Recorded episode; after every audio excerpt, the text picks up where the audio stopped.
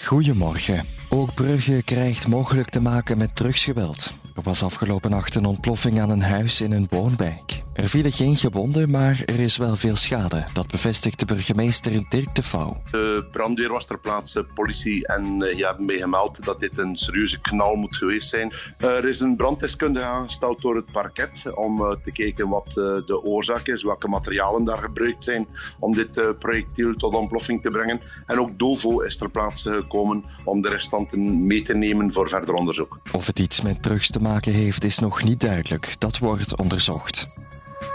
Het gerecht onderzoekt een mogelijke nieuwe piste in het onderzoek naar de moord op advocate Claudia van der Stichelen in Sint-Lievenshouten. Volgens het nieuwsblad hebben speurders gisteren urenlang een landbouwer ondervraagd die eerder al genoemd werd in andere zaken.